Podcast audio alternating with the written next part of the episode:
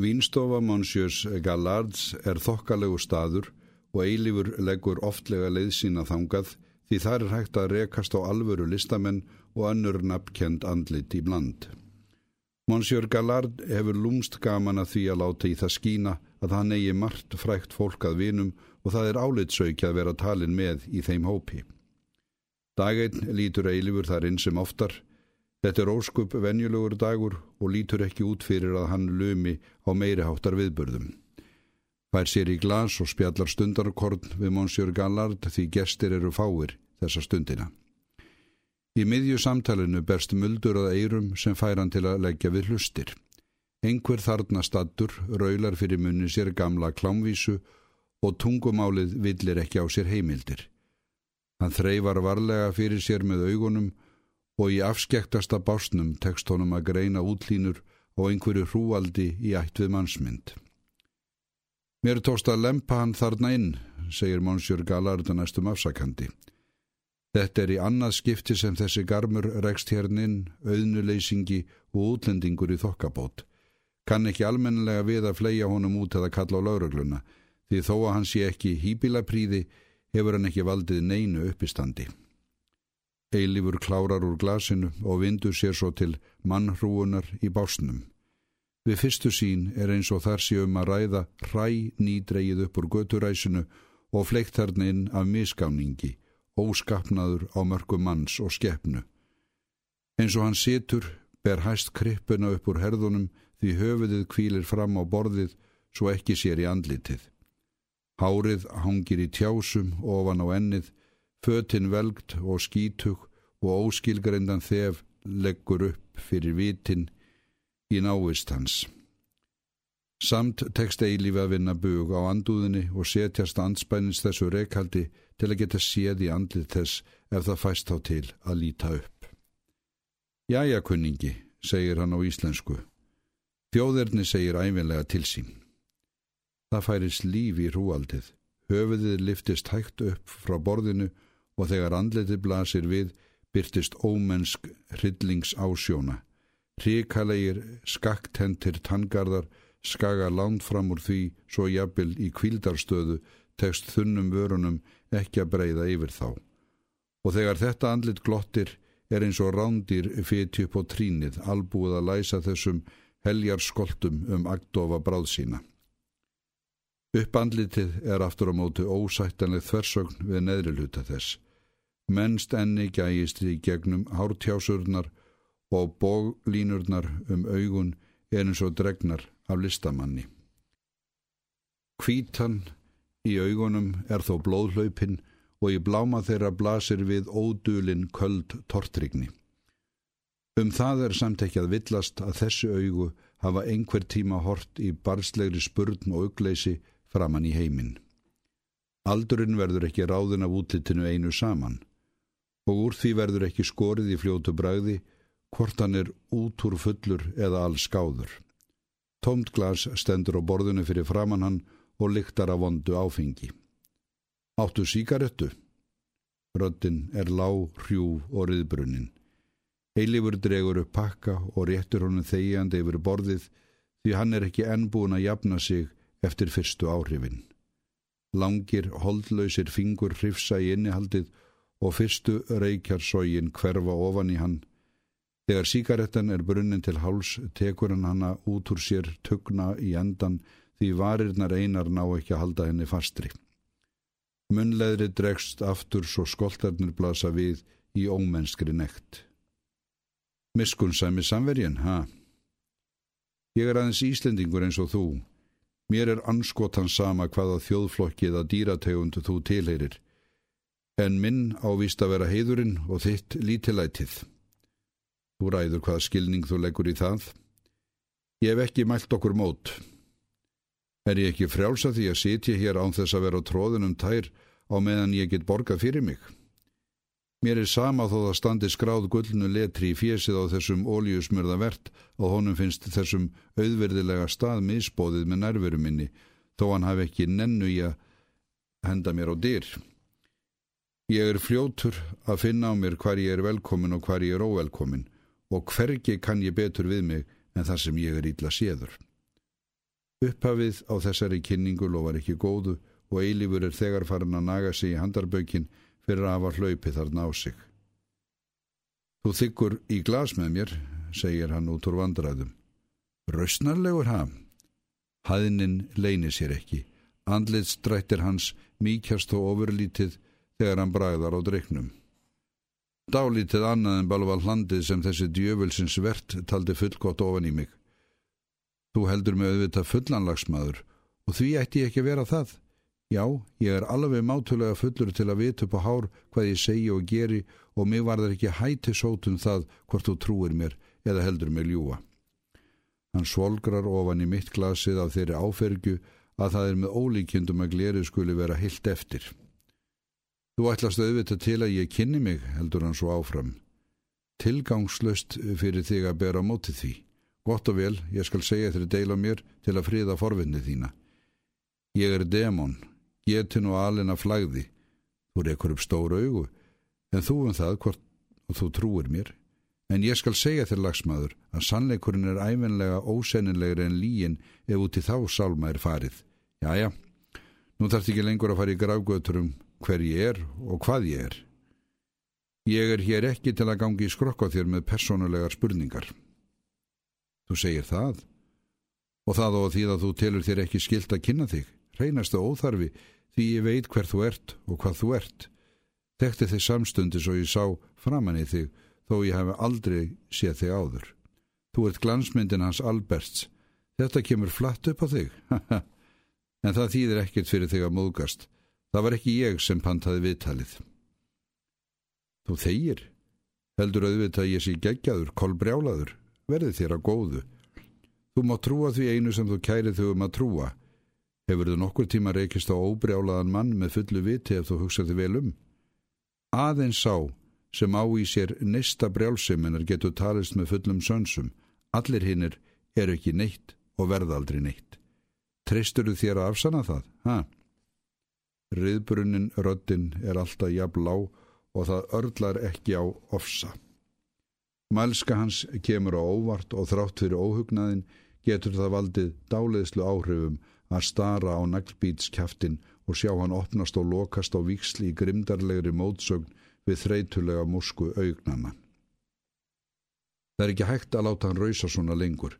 Með einhverjum ráðum verður að koma honum út því úr því sem komið er verður að beita öðrum ráðum til að losna við hann en að lappa á dyr og láta hann einan. Nú kemur þið með mér.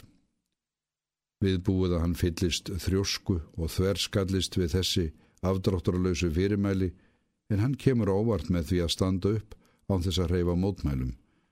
Hann reynist herri í loftinu en hann leit út fyrir á meðan hann satt og hallaðist fram á borðið því ganglimirnir eru ankanalega langir niður úr kýttum bólnum. Eftir út kemur reynist hann ekki í viðræðu skapi og ansar út í hött ef á hann er yrt. En það er borin vona hægt sé að láta hann sigla sin sjó leiðindan löst svo það endar með því að eilífur tekur hann heim með sér og setur þar fyrir hann glas fullt af börmum og síkaretupakka. Svo spyr hann án þess þó að gera sér háar hugmyndur um greið svör. Er það móðgun við þig að spyrja hvaða erindi þú áttur hinga til Parísar? Ég kann ekki að móðgast, svo þess vegna máttu láta gammin geisa, en þegar svarið likur í augum uppi er óþart að spyrja. Af hverju er maður hér en ekki á einhverjum allt öðrum stað? Er ekki mannskeppnan alltaf í þindarlausu kaplaupi við sjálfa sig út og söður, austur og vestur, oftast nær erindisleisu? Og kemur það ekki allt út á eitt, hvar hún er stödd þennan eða hinn dægin? Snúðu bara út fyrir mér eftir finnst það auðveldari mótleikur. Ég svara eins og til minn er talað. Þegar heimskulegar spurt hlýtu svarað að vera bjánalegt. Ég veit þú vilt verða laus við mig og ég kippi mér ekkert upp við það en þú telur þig eiga það inni hjá mér að ég leysi frá skjóðinni. Langar til að vita eitt hvað meira um mig en útlitið eitt getur gefið til kynna og ætti þú að vera auðvelt fyrir þig að lesa eitt og annað út úr því. Gott og vel, ég skal friða forvitni þína og spurður.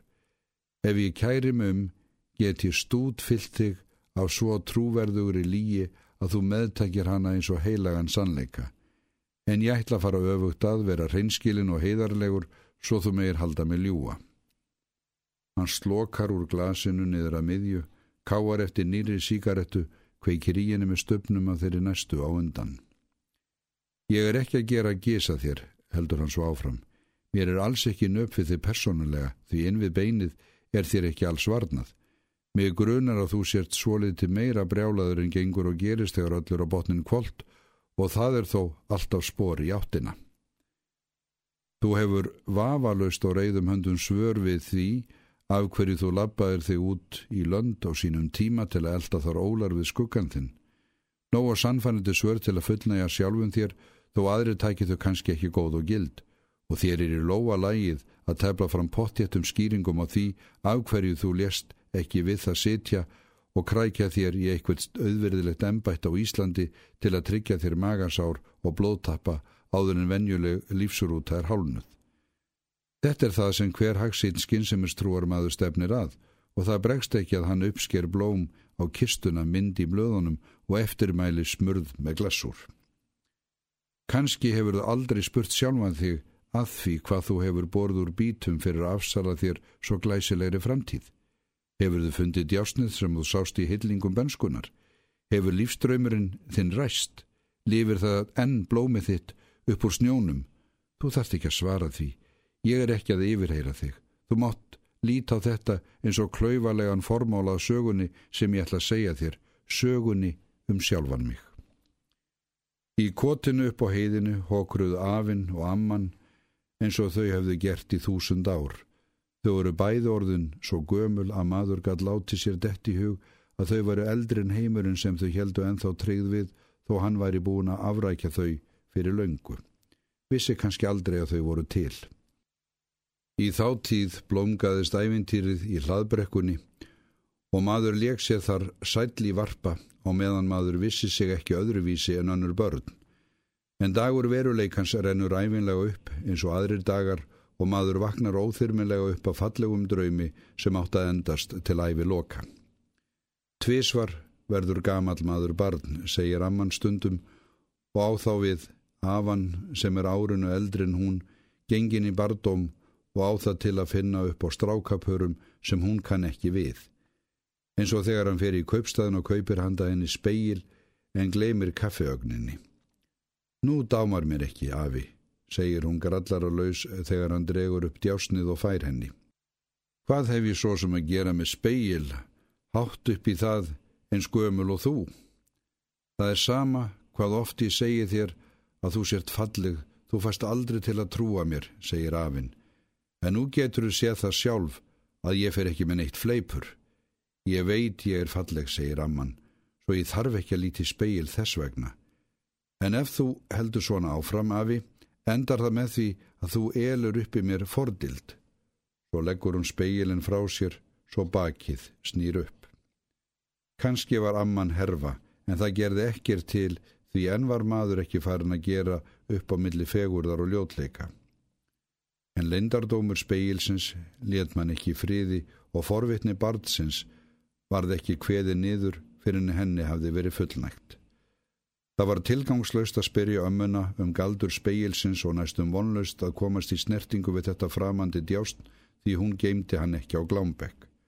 Á endanum tekst manni þó að hafa hendur á kjörgripnum þegar amman er eitt hvað að sísla fyrir sig og gáir ekki að því sem gerist í kringum hana.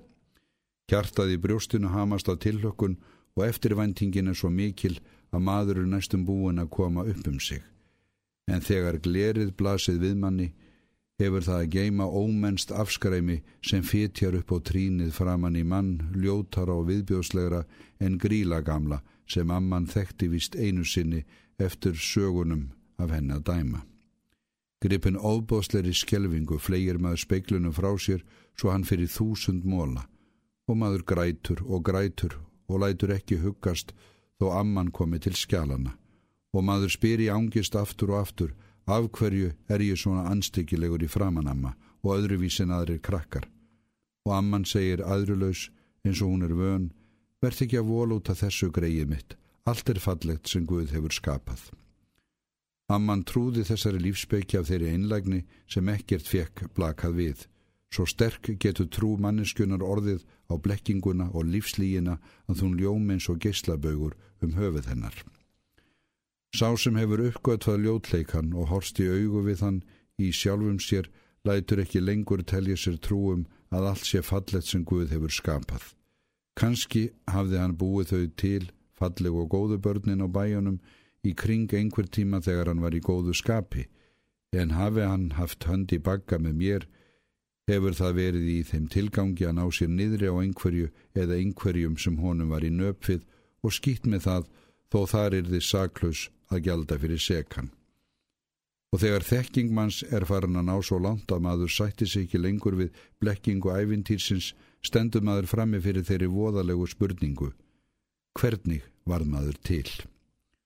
Og það þurfti ekki að leita langt yfir skamt eftir svarinu, því þjóðtrúin lagði þeirra öll spil á borðið. Nú þarf ég að segja þér frá jöklinum. Ég á ekki við þann jökul sem þú sást í einatíð hilla uppi handan flóans hæfilega fjarlægur og upphafun til að geta verið bústaður sjálfurar alviskunar. Já við þann jökul sem rýs fyrir botni dalsins og grúir sig yfir sveitina, helblár og ófrín, flagð í klakakubli sem þjóðsagan let daga þar upp í járdaga og sangkvæmt helgjusogn hennar komu úr kviði þeirrar fordæðu allir þeir sem Guð skamaði sín fyrir. Undan lengsta jökulsporðinum brýst fljótið skólgrátt og döynýlt út úr dimmu gímaldi sem nær langt inn í yður jökulsins og þegar staðið er anspænist því gín það við manni eins og hrikaleg tröllasköp. Þarna lengst inni varð ég til óskilgetið ákvæmi Guðs og fordæðu og þegar flagðinu var orðið bumbult af fóstri sínu hrækti það mér út úr hvið sínum eins og þegar tæringar veikur maður guppar óhróða. Þjóðtrúin er ekkert lamba leika sér við. Jafnvel kraftaskáld fá ekki kveðið hann í kútin. Í þúsund ár hefur hún borið höfuð og herðar yfir öllunur trúarbröð á Íslandi og án hennar væri þessi ómerkilegi holmi sokkinni sæ með öllu sínu auðvirðilega mannlífi. Þegar svo var komið að ég gæti ekki lengur trúað og ævintýrðum Guð og fallögubörnin kom það sjálfur sér að ljótleikin var minn átrúnaður og áðurinn ég viss af var hann orðin demon sem réð ekki aðeins lögum og lofum í sjálfu mér heldur allir í tilverunni, eini veruleikin sem ég hef nokkru sinni átt að. Þegar hér var komið þagnar hann loksins andaratak, fer með aðra höndina inn undir skirtugarmin og dregur þaðan óhrein og samanvöðluð pappirsblöð og rekur í gerstgjafa sinn. Þú glennir í baugun hann, skilur ekki að ég er að trúa þér fyrir þessum sneplum, þetta er aðlega mín brotið úr speikli ömmunar sem ég var að segja þér frá. Ótrúlegt en satt að ég hef alltaf haldið þeim til haga og verið að basla við það að raða þeim saman þó árangurinn hafi ekki orðið í réttu hlutfalli við erfiðið. Þú vilt auðvitað fá svar við því af hverju tók þessari tryggð við þau. Gott og vel, kannski trúði ég aldrei undir niðri á þjóðsugunum Guð og viðhaldið hans. Kannski taldi ég mér trúum að mér tækist að sjá í þeim eitthvað fallegt ef ég raðaði þeim rétt saman, en auðvitað var það aldrei annað en óskheikja. Og nú er ég orðin svo mikið reynslunni ríkari að ég læt ekki blekkjast lengur. Reynd ekki útilokað að þér tækist að raða þessum brotum saman nógu vel til að sjá í þeim það sem mér tóst ekki að koma auga á, því sömum er það gefið að sjá það eitt sem þeir vilja sjá í speilgleri óskeikjunar. Nú á ég það eitt eftir að gera upp sakirnar við fordaðina sem ól mig af sér. Þetta skálkaskjól Guðs álmattugs. Þú brosir og þér er leifilegt að halda mig ekki mann til slíkra stórræða, en þar skjáttlast þér samt. Ég skal trúa þér fyrir því hvernig ég ætla að fara að því og það er ekki útilokað að þú getur eitthvað af því lært. Ég ætla að bóra mig inn í hvið fordaðinar, sömu leið og ég kom þaðan svo langt inn að henni tækist ekki að losna við mig þó hún engist af hríðum og í kviði hennar ætla ég að vaksa og verða svo trodlaukinn að mér tækist að sprengja hana utan að mér svo Guð hafi ekki lengur í þau hús að venda með sinn eigin óskapnað. Brjálaður hugsar þú? Já, ég er nógu mikið brjálaður til að vera með fullu viti. Ég sé þú botnar ekki böni því sem ég segi, en það er ekki útilokað að samhengið eigi eftir að renna upp fyrir þér. Svo klárar hann úr glasinu og kemur á óvart með því að búast allt í hennu til ferðar. Þessi tillitsemi hans er eilífi svo kærkomin að hann langar til að gera eitthvað fyrir hann að skilna því. Það er ekki sjón að sjá hvernig hann er til fara svo hann grýpur frakkansinn næstum nýjan, treður honum upp á hann og segir taktu við honum, gerðu það fyrir mig að þykja hann, þú hefur meirið þörf fyrir hann en ég. Og það skeður sem síst var búist við, hann lætur klæða sig í frakkan mótspyrnu löst. Auðvitað þakkar hann ekki fyrir gjöfina, glottir aðeins við eins og honum hafi dottið eitthvað fyndið í hug, en hann lætur það ósagt. Svo stendur eilifur einn eftir með blöðin í höndunum, brotin úr speikli ömmunar eins og hann kallaði þau. Það leggur af þeim ramman döin af skít og svita svo hannum liggur við ógleði. Það liggur beinast við að fleia þeim í eldstóna og kveikja þær í þeim en samt verður ekki af því. Það er aldrei að vita nema honum þóknist að ganga eftir þeim síðar. Á arinhillinu stendur mynd af heilagri Madonnu sem ber það með sér að listamæðurinn hefur verið auðugri af trúaráhuga en listrænum hæfileikum. Sauðarsvipurinn og ásjóna hennar er orðin leiðigjarn en myndin fylgir herberginu svo ekki er hægt um vika fleia henni. Nú gefst loksins tækifæri til að ná sér niður á henni með því að stinga blöðunum á bakvið hana svo þau sjáist ekki, svo þvær hann sér vandlega um hendurnar.